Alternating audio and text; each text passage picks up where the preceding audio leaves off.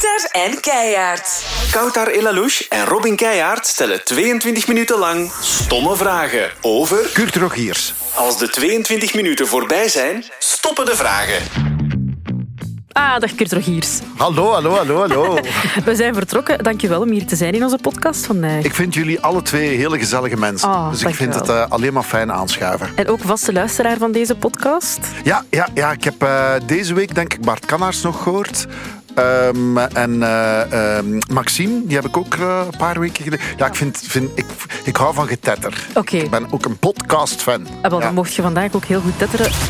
Dit is 22 minuten stomme vragen. We gaan eh, klok al starten. Podcast Klok. De podcast moeilijk, hè? Ja. Ehm Kurt Rogiers, het is misschien een beetje een stoute vraag, maar hoe lang ga jij nog meespelen in familie? Dat is helemaal geen stoute vraag. Ik heb daar op zich eh, ook niet echt een idee van. Op een bepaald moment zijn dingen op. Eh, ik heb dat heel vaak in mijn loopbaan gedaan. Ik had eh, de jaren Q-Music. Ik heb eh, heel wat jaren in Nederland eh, mogen werken. Eh Wittekerken gedaan in een vorige eeuw. En op een bepaald moment, ja, ik kan dat niet zeggen, voelt je dat van het is wat op. Ja. En ik heb eh, ooit kapitein Von Trapp gespeeld in The Sound of Music. En daar had ik de geweldige quote, waar God een deur sluit, opent hij een venster. Ik geloof in opportuniteiten en dat je die zelf moet eh, uitdagen. Ja. Dus ik ben nu 52. Ik denk dat mijn loopbaan er nog niet op zit. Maar als het op een bepaald moment gedaan is, of eh, ik voel het niet meer bij familie, dan ga ik met de makers praten en met de zender. En dan, ja, wie weet, word ik een, een coach bij M&M. You never know. Het zou zo maar kunnen, maar voorlopig nog met veel gevoel en eh, hart en ziel bij familie. Ja, weet je wat dat is? Ik doe dat graag. Ik vind dat heel fijn. Ten eerste, dat is een, eh, een vast eh, werkritme. En ik ben niet het soort artiest slash acteur die thuis kan zitten. De, de die-hard acteurs, die gaan van project naar project. En daar zitten soms zes maanden tussen. Soms overlapt dat ook wel eens. Ik zou daar heel eh, gestrest door geraken. Ik, ik vind het fijn om s ochtends op te staan, met te douchen, ontbijtje, met de hond te gaan wandelen, de auto in, de file in en gaan werken, lekker gaan draaien. En dan ook soap heeft, heeft een, een, een ja, ik, ik ben altijd al fan geweest van soap. Vroeger had de Dallas en Dynasty. Eh, ik, vind, eh, ik vind dat heel geestig, omdat ja, het is larger than life. Hè? En of dat dan nu thuis of familie is, eh, wij zijn allemaal collega's van elkaar. Maar ik, eh, ik vind het genre ook wel heel tof. En ik vind dat we uitgedaagd worden om het genre te overstijgen. Dat het niet, niet eh, alleen maar slechte decors of slechte acteurs of slechte verhaallijnen zijn. Het moet gewoon beter en beter. En, ja, ik ben wel een perfectionist wat dat betreft. Ja? Ja, ja absoluut. Let je veel op hoe dat je... Ja, ja, ja. Ik kijk ook zelf bijna elke aflevering. Ik snap niet Oh. dat collega's zeggen: ja, ik zie het bijna nooit. Zo is op een verloren moment. Je staat ergens iets te wachten. Je zoekt de VTM-app en eh, dan, dan kijkt je gewoon naar, eh, ja, naar de hele aflevering. Soms scrolt je wel al eens door. Naar uw eigen stukjes. Ja, nee, nee, niet alleen Ah, aan mijn eigen stukken. Soms kan bijvoorbeeld Arons en scènes bekijk ik altijd. Eh, dus, dus niet alleen mijn eigen stukken, maar toch wel. Ja, ik, ik zie elke aflevering, omdat ik ook vind. Ik snap ook niet mensen die zeggen: Oh, ik kan niet naar mezelf kijken. Of dat dan nu fictie is, of ik ben iets aan het presenteren. Tuurlijk wilde dat zien. Want soms heb je het gevoel dat je iets goed hebt gedaan. En dan zegt een regisseur: Ja, dat vond ik toch iets minder. En dan kijkt hij ernaar en dan snapt hij meestal waarom hij Ja. dat heeft gezegd. Ja. Ja. Over de verhaallijnen waar je het eh, daarnet over had, is er zoiets waarvan dat je denkt, dat zou ik met Lars nu echt nog willen doen? Zo, Ik, eh, ik vind dat een, mooie vraag, omdat ik, eh, ik ben te bescheiden om mij daar zelf enorm in te moeien. Ik vind, ehm, schrijvers moeten mij maar verrassen met verhaallijnen. Ehm, ja, ik heb, ik heb wel het soort rollen die ik ooit wil spelen. Ik, zou, ik ben een enorme fan van, van eh, The Tudors en eh, dat soort dingen. Eh, zo een, een kostuumdrama, dat lijkt me toch... Ik hoop dat mij dat ooit nog eens gegund wordt, zo'n soort rollen. Maar bijvoorbeeld verhaallijnmatig heb ik mij eigenlijk maar één keer no- nog maar gemoeid. Op een bepaald moment hadden ze het idee om Lars een dochter te geven. Eh, maar er waren op dat moment, Babulus was er net uitgeschreven, omdat er te veel jonge vrouwen in zaten. En toen ben ik naar de schrijvers gegaan en ik heb gezegd, waarom geeft je mij geen zoon? Eh, en doet een totaal andere eh, karakter dan dat Lars is. Doet dat een heel alternatieve jongen, een beetje een filosoof. En, en toen zeiden ze, ah, dat is misschien wel een goed idee. En toen liep ik de, de kamer uit. En toen ze- zeiden ze tegen mij, ja, en hoe moeten we die dan noemen? Wolf. En ik zei, ah, mijn oudste dochter, die heeft eh, iemand in de klas zitten en die heet Raven. Ik vind dat een goede naam. Oh, zeiden de schrijvers. Ja, raven. Ja. Zo, dat is de enigste Wow. keer in die zeven jaar dat ik mij gemoeid heb in een, in een verhaal. En heeft Aaron Blomart al dank u gezegd? Aaron weet, kent dit verhaal. Ja, ja, Ja, ja, ja. ja, Ah, ja. absoluut. Maar ik kende Aaron al van eh, de, de Voice Kids. Wij, ik heb dat gepresenteerd. En hij was toen een ukkie, Juist. 14 jaar. En kwam naast mij op de bank zitten. Hallo, ik ben Aaron. en eh, het grappige is, eh, wij doen audities voor personage Raven. En toen was fuck, fuck You, is die, die, die serie... What the eh, fuck? What, the fuck, ja. Eh, fuck you, what the fuck. Zeg, Dat eh, dat was eh, heel erg eh, populair op dat moment. En bijna de hele cast eh, van What the Fuck is komen auditioneren. Dat waren alleen maar goede audities. En daar zat een hele jonge Aaron ook tussen. En hij liep buiten en keek naar de regisseur. En we dachten, ja, dat is hem wel. Ja. Zot. Goed, hè? Heel goed verhaal. Ja. Ehm, kan je op commando wenen? Niet op commando, maar ik kan wel eh, als acteur redelijk goed wenen. Ah ja, ja, ja. Het is niet Maar- dat ze zo trucjes moeten Nee, gebruiken. nee, nee, nee, nee. Ik vind dat ook goh, ik vind dat een beetje vals spelen. Omdat ik kan mij voorstellen dat je als acteur echt niet weet dat je traankanalen gewoon niet geactiveerd zijn. En dat je dan zegt, goh ja, doe er toch maar wat druppeltjes in of wrijf er maar wat piekenzalf onder. Maar ik kan dat redelijk goed. Maar ik moet, kan nu niet, dat jij nu zegt, wee nu, dat Nee. gaat niet. Maar ik eh, probeer me goed in te leven in zo'n scène. En dan weet ik wel een paar technieken. En, en het is niet dat ik op... eh, doodgeknuppelde zeehondjes ineens begin te denken of zo. Maar ja, ik probeer, ik probeer dat wel. eh, ja, ik, al- als ik weet dat ik een, een weenscène heb die dag, dan staat die een groot uitroep, uitroepteken in, eh, op de call sheet. Ja, dan weet je wel, Moet daar moet ik mij wel. Ja. op voorbereiden. Ja. Je hebt Aaron, als- Aaron kan trouwens ook heel goed Is dat? trainen. Ja. Dat is ook een beetje een pleiter. Ja, Eh, nee. ja. je bent vroeger ook nog radio-dj geweest. Ik heb dat nu pas beginnen ontdekken. Ja. Het zelf te doen, ja, ik heb dat nooit gehoord. Ik was Ah, jawel. de radio aan Ik het luisteren ehm, toen. was grote fan van de show toen. Zwaar. Ja, maar echt, ik ben nu ook heel grote fan, want ik heb het dan zo wat teruggekeken. Ik dacht, maar echt goed. Zou je dat ooit nog overwegen om het terug te doen? Dat is van alle vragen die ik krijg de meest gestelde vraag. Mensen vragen niet zo vaak van hoe lang doet je familie nog? Of hoe lang eh, blijft je nog in de showbiz? Of eh, hoe lang blijft je nog bij je vrouw? Ze vragen, gaat je ooit nog radio doen? Ja. Dat is echt een vraag. Ja, want kijk, as we speak, eh, wij hebben, toen wij bij jullie in de ochtend zaten, Aaron en ik, ik heb die, die dag, die, die ochtend, heb ik heel veel sms'jes gekregen, whatsappjes gekregen van, oh, het is zo fijn om je er nog eens te horen. Waarom doet je dat nu nog eens? Maar ja, jullie weten allebei, als je radio doet en je wilt dat goed doen, dan heeft dat een enorm impact op, Ja. op je sociaal leven, maar ook op je professioneel leven. Als jij morgen, Robin, de rol van je leven te pakken krijgt, ja, dat is bijna niet te combineren met deze ochtendshow. Eh, en dat geldt voor mij ook. Als ik, als ik stel dat ik familie wil blijven doen, eh, die combinatie, dat is eigenlijk niet mogelijk. Dus eh, ja, heel graag, maar ja, al- als het moment zich aanbiedt, denk ik. Dat is wel jammer. Waarom ben je daar toen eigenlijk mee gestopt? Was dat om die reden? Wel, op een bepaald moment werd er eh, een nieuwe, eh, er kwam een nieuwe wind door Q-Music. En eh, dat werd ons allemaal voorgesteld. We veranderden van Q is good for you naar een andere baseline. En ik hoorde dat die mensen allemaal uitleggen en ik dacht, ja... En nu proberen ze de, de oudere DJ's, Van Ornelis en Kurt Rogiers, dat toen al veertigers waren, proberen ze mee in die wind te krijgen. En toen ben ik gewoon met mijn bazen gaan praten. Een beetje wat ik daarnet vertelde. Op een Ja. bepaald moment voelde, ah, je wordt wakker en je denkt, het is over. Het is mooi geweest. Zeven jaar. Fijn. En dan eh, is er wel nog, nog wat geprobeerd van, oh, maar kunnen we je niet op de middag zetten? Of kunnen we je niet eh, alleen aan de knoppen zetten? En dat, ja, dat, dat lag mij minder. En toen kwam op een bepaald moment de vraag voor familie. En toen was het allemaal Ja. Snel beslist. Je moet soms ook op een hoogtepunt stoppen. Hè. Als je zoiets Ja. hebt van... eh, dat, dat, dat, dat mensen zo niet zoiets hebben van... Allee, niet dat ik Ja. dat gevoel heb, maar van... pff, Nee. Nu mag het wel eens gaan veranderen. Onthoud dat, lieve vrienden, dat is de belangrijkste truc in een professioneel leven. Het is met Als je series voelt, ook. dat is bij series zo, dat is bij, bij heel veel dingen zo.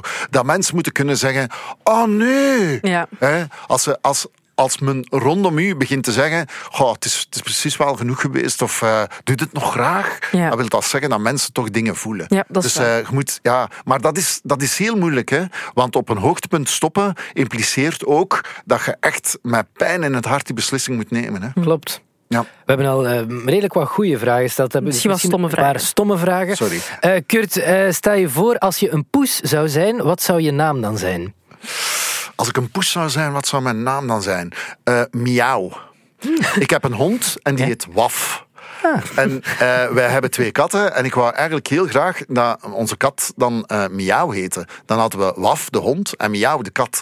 En mijn dochter zat er zoiets echt flauwe zeven. Nee, dat doen we niet. En wat is Dus dat dan geworden? Kato en Milou. Kato zit er wel nog een beetje in, Ja. maar dat is wel een typische eh, kattennaam. Milou, maar Kato, Miauw. Milou, ja. Het is, ja, het is een, zielig compromisje, vind ik. Oké, Ja. Dus Miauw Rogiers. Miauw Rogiers. Ja, maar nu, ze hebben me, me ooit al wel eens gezegd eh, dat, wil- wilt je weten wat je pornonaam is, Ah. dan moet je je eerste huisdier nemen, gecombineerd met de familienaam van je moeder. En bij mij, mijn pornonaam zou dan Dolly Rogiers zijn. Eh, Dolly de Stroper, sorry. Dolly de stroper. Dolly de Stroper. Onze eerste hond was een Dolly. En Dolly de Stroper. Heb jij eh huisdier gehad? Ik had vroeger een dwergpapegaai. En hoe heette die? Ja, ik was nog heel jong, dus ik had die de naam Regenboogje gegeven, omdat die heel veel kleurtjes had. En, Bij mij eh, Stamper Sergeant. dus op zich... het is- Stamper. Stampertje. Ja. is- Stamper en regenboog. Ja, en, kom, Kurt, we gaan voort. Geweldig. Eh, misschien nog een stomme vraag, Kurt. Heb jij een favoriete letter? Eh, favoriete letter? Eh, eigenlijk niet. Ehm, dat is een vraag waar ik ook nog nooit over nagedacht heb eigenlijk. Laten we maar beginnen met de A. Eh, alles in het begin was er niks. En toen kwam de A. Oké, de A. Mooi. Ah, mooi. hè. Ja, ik vind een goed antwoord eigenlijk op een heel stomme vraag. Ja. Ehm, Kurt, ehm, wel, ja, tv-gewijs dan, zijn er nog programma's waarvan dat je denkt, dat zou ik nu echt nog eens willen doen, zou ik nog eens willen presenteren? Ja, dat klinkt zo, zo eh oudbollig, maar op een bepaald moment komt er toch... Ik heb heel veel, eh, wat ze dan noemen... ehm, Shiny Floor shows eh, mogen presenteren. K2 zoekt K3, eh The Voice Kids. Eh, dus dat zijn eigenlijk studio-opnames. En ik begin zo precies meer goesting te krijgen in programma's zoals eh, eh, durf, durf te vragen of zoiets. Dat wat Siska allemaal doet hier op de VRT. Dat vind ik eigenlijk wel leuk. Human Interest programma. Eigenlijk een datingprogramma, maar dan, dan niet te flauw. Maar ook geen een Ex on the Beach of zo. Hè. Maar, maar zo mensen die elkaar ontmoeten. Dat je de liefde ziet, ziet groeien. Dat zou ik ook wel allemaal eens leuk vinden. Dus er, er, zit, er zit wel nog wat... eh, er zijn nog wel wat mogelijkheden, denk ik. Worden, worden daar gesprekken over gevoerd? Dat vind ik een heel goed idee, datingprogramma met Kurt Rogiers, maar dan niet klef. Ja, maar die Ingeborg Sergeant zit er heel een tijd tussen. Dat snap ik. Ja, wil je niet te slapen? Wil je niet te slapen? Wil je niet... Ja, ja. ja. Blind date. Kijk. Blind date, voilà. Ehm, je hebt al heel wat tv-programma's al gepresenteerd. Ehm, wat, welke vond je het minst leuk om te doen? Eh, Marble Mania. Ja? Ja, Marble Mania was een eh, programma, maar moet weten, Lego Masters was super populair, zowel Ja. in Nederland als hier in, in Vlaanderen. Eh, en men had zoiets van, oké, als we het met Lego-blokjes kunnen doen, kunnen we het met knikkers ook doen. Ze hebben mij dat programma voorgesteld en eh, ik was wel in het begin enthousiast, omdat in Nederland was het een enorme hit, vond dat dat er waanzinnig uitzag. Maar dan, ja, dat we moesten zo tussen de soep en de patatten worden opgenomen. Dat was zo één weekend dat ik naar Hilversum moest en we moesten er zo drie op een dag doen. Ah, dat is En, zo door, Ja, eh. doordoen. Eh, het programma moest ook iets langer zijn dan de Nederlandse versie, waardoor dat die Nederlandse ploeg daar eigenlijk al met tegenzin aan begon. Eh, alles, alles, soms zit alles in een programma mee. Ik heb het geluk dat dat in mijn geval heel vaak, meestal zo is. Bij Marble Mania zat alles wel wat tegen. Mhm. Ja. Dus eh, ik denk zowel de zender als ik zelf hebben daar lessen uit geleerd. Ja, Ja. dus geen Marble Mania meer. Nee, nee, nee, nee, nee. Je bent heel eerlijk. Ja. Ja. Vind je dat belangrijk om altijd... Zeker. Zo transparant mogelijk, zo eerlijk mogelijk. Ik vind, eh verzwijg dingen, maar lieg niet. Als je, als je het vervelend vindt om over dingen te praten, zwijg er dan over. Ga er eh, met een grote bocht langs, maar niet liegen. Dat probeer ik tegen mijn dochters ook altijd te zeggen. Ze van, ga, geen, geen blaasjes wijs maken. Ik vind leugens verschrikkelijk. Hoe is jullie band met jou en, en de dochter? Momenteel? Ik zou zeggen goed. Eh, het is wel spannend natuurlijk, want ik zit met een dochter van 17 en eentje van 14. Die zitten, zoals ze dat zeggen, in de apenjaren. Eh, wij proberen goed met elkaar te communiceren. Eh, en ik moet zeggen, so far so good. We, we respecteren elkaar. En respect, ik denk dat dat in elke vorm, of dat er nu vader-dochterrelatie is of vriend-vriend, collega, respect is extreem belangrijk. En ik heb het gevoel dat mijn kinderen mij wel niet elke minuut van de dag, maar toch meestal respecteren.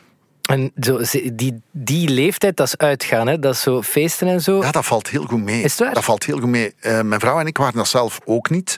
Eh, maar het is niet dat die elk weekend willen uitgaan of zo. Ze, ze willen wel met vriendinnen weg en dan willen ze zo laat mogelijk. Maar ze, het, het valt wel nog mee. Ik vind, het is niet dat ik eh, elk weekend om vier uur zaterdag eh, nacht mijn wekker moet zetten. Ja, Nee, dat was mijn volgende vraag. Ja. Maar dat is dus niet. profetisch. Ja.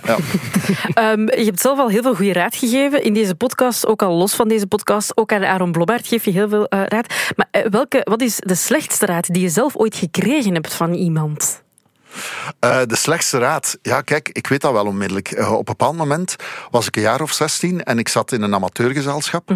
En eh, ik dacht van, wil ik hier nu mijn beroep van maken of niet? Ben ik wel goed genoeg? En toen was er een heel belangrijke meneer binnen dat gezelschap. En mijn ouders hadden daar ook mee gesproken. Mijn ouders keken daar enorm naar op. Frank heette die. En op een bepaald moment waren wij met een toneelstuk bezig. En Frank nam me even apart. En hij zei, beter een, eh, een goede amateur dan een slechte professional. Doe het niet, Kurt. Oei. Ja, ik kan het nooit vergeten. Beter een goede amateur dan een slechte professional. En dat kwam ook bij mijn ouders wel binnen, dat die ineens ook begonnen te twijfelen van dat conservatorium, die toneelschool, moeten we dat wel doen? En ja, maar toen, toen ik deed wel academie en ik ging bij mijn eh, leraar toneel, eh, Hugo heette die, en ik vertelde hem dat en die zei, ach Kurt. En die kwam dan met een andere quote, de beste olie drijft altijd boven. En dat zeg ik ook heel vaak tegen, tegen mensen die twijfelen.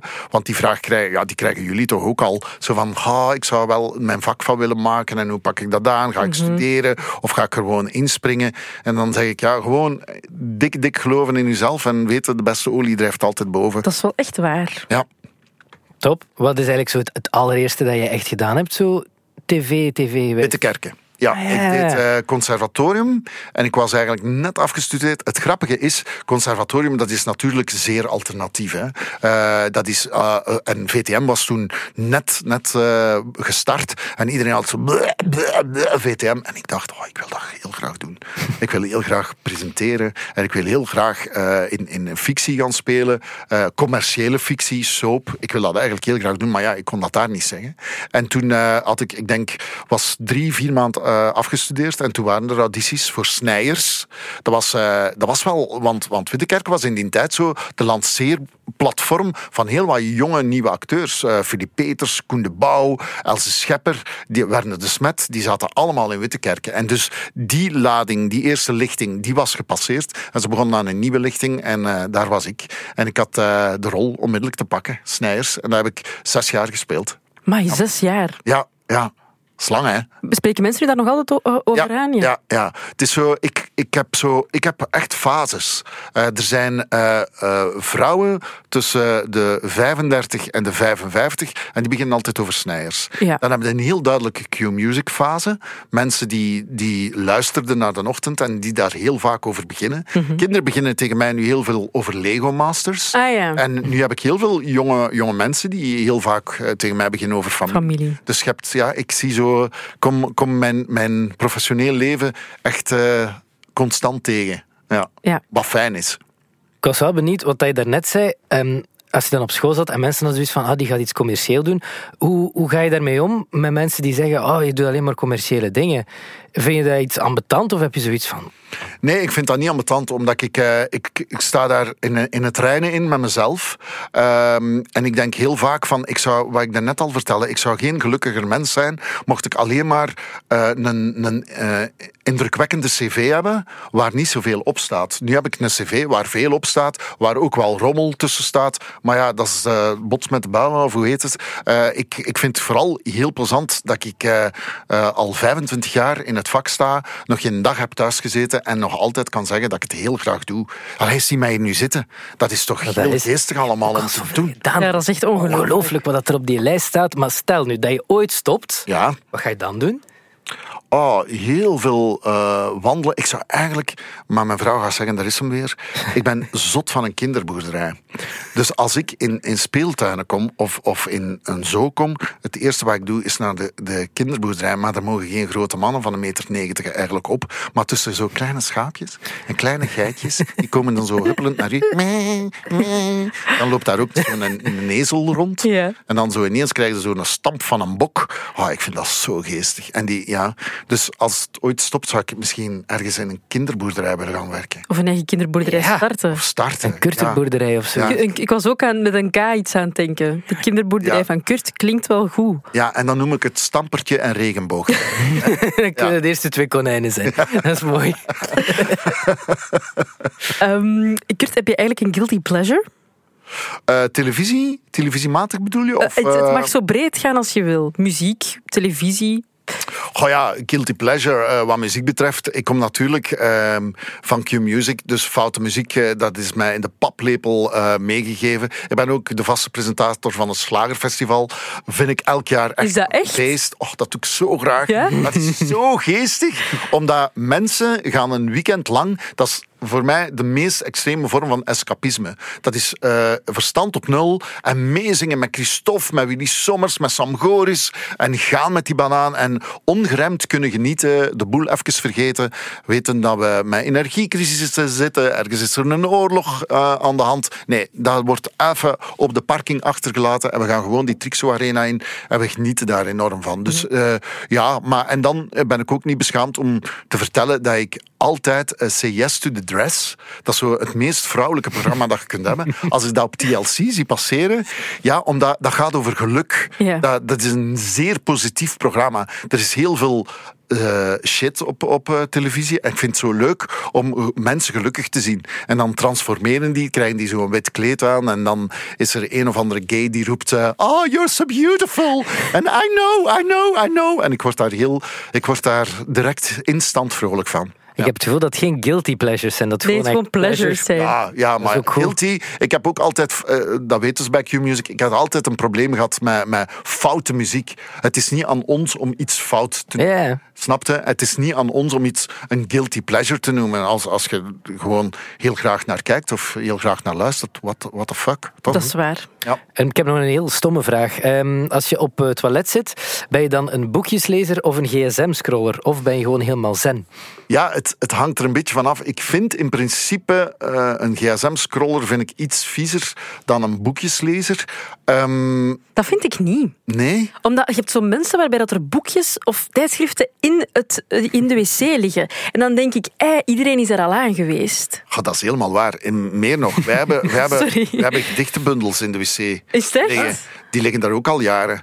Maar die worden nooit... En ik denk alleen van, dat is toch tof als mensen op bezoek komen, dat Ja. ze even in een gedichtje kijken. Maar dat gaat die redenering zijn. Wie weet wie dat er allemaal al met zijn plakkerige Ja. Beplaste handen heeft aangehangen. Ah ja, dat is inderdaad wel waar. Nu, ik vind sowieso, eh, een dokter en een wijs man heeft ooit gezegd dat dat niet zo heel gezond is. Dus ik probeer eh, het toiletbezoek eh, niet eindeloos lang te maken. Je focust je gewoon op het moment en dan... Op de plons. en dan eh doorchassen en wegwezen. Alright. Ehm, wat voor student was je, Kurt? Eh, zeer... zeer Dat zal voor de volgende... Nee, zeg maar, zeg maar. Nee, nee, nee, nee, vind ik wel spannend dat ik heb gezegd. Dat, allee, ik, Ik was geloof een in het zeer- unive- universum. Hè. Dat is niet voor niks dat daar het alarm af, afgaat. Hè. Ik was een zeer, zeer... Te. Te. Lieve M&M luisteraars, vul het zelf in. Is dat. Merci, Kurt Rogiers. Het was heel fijn, dankjewel. Wacht, hè, nog één keer. Hè. Stampertje en regenboog.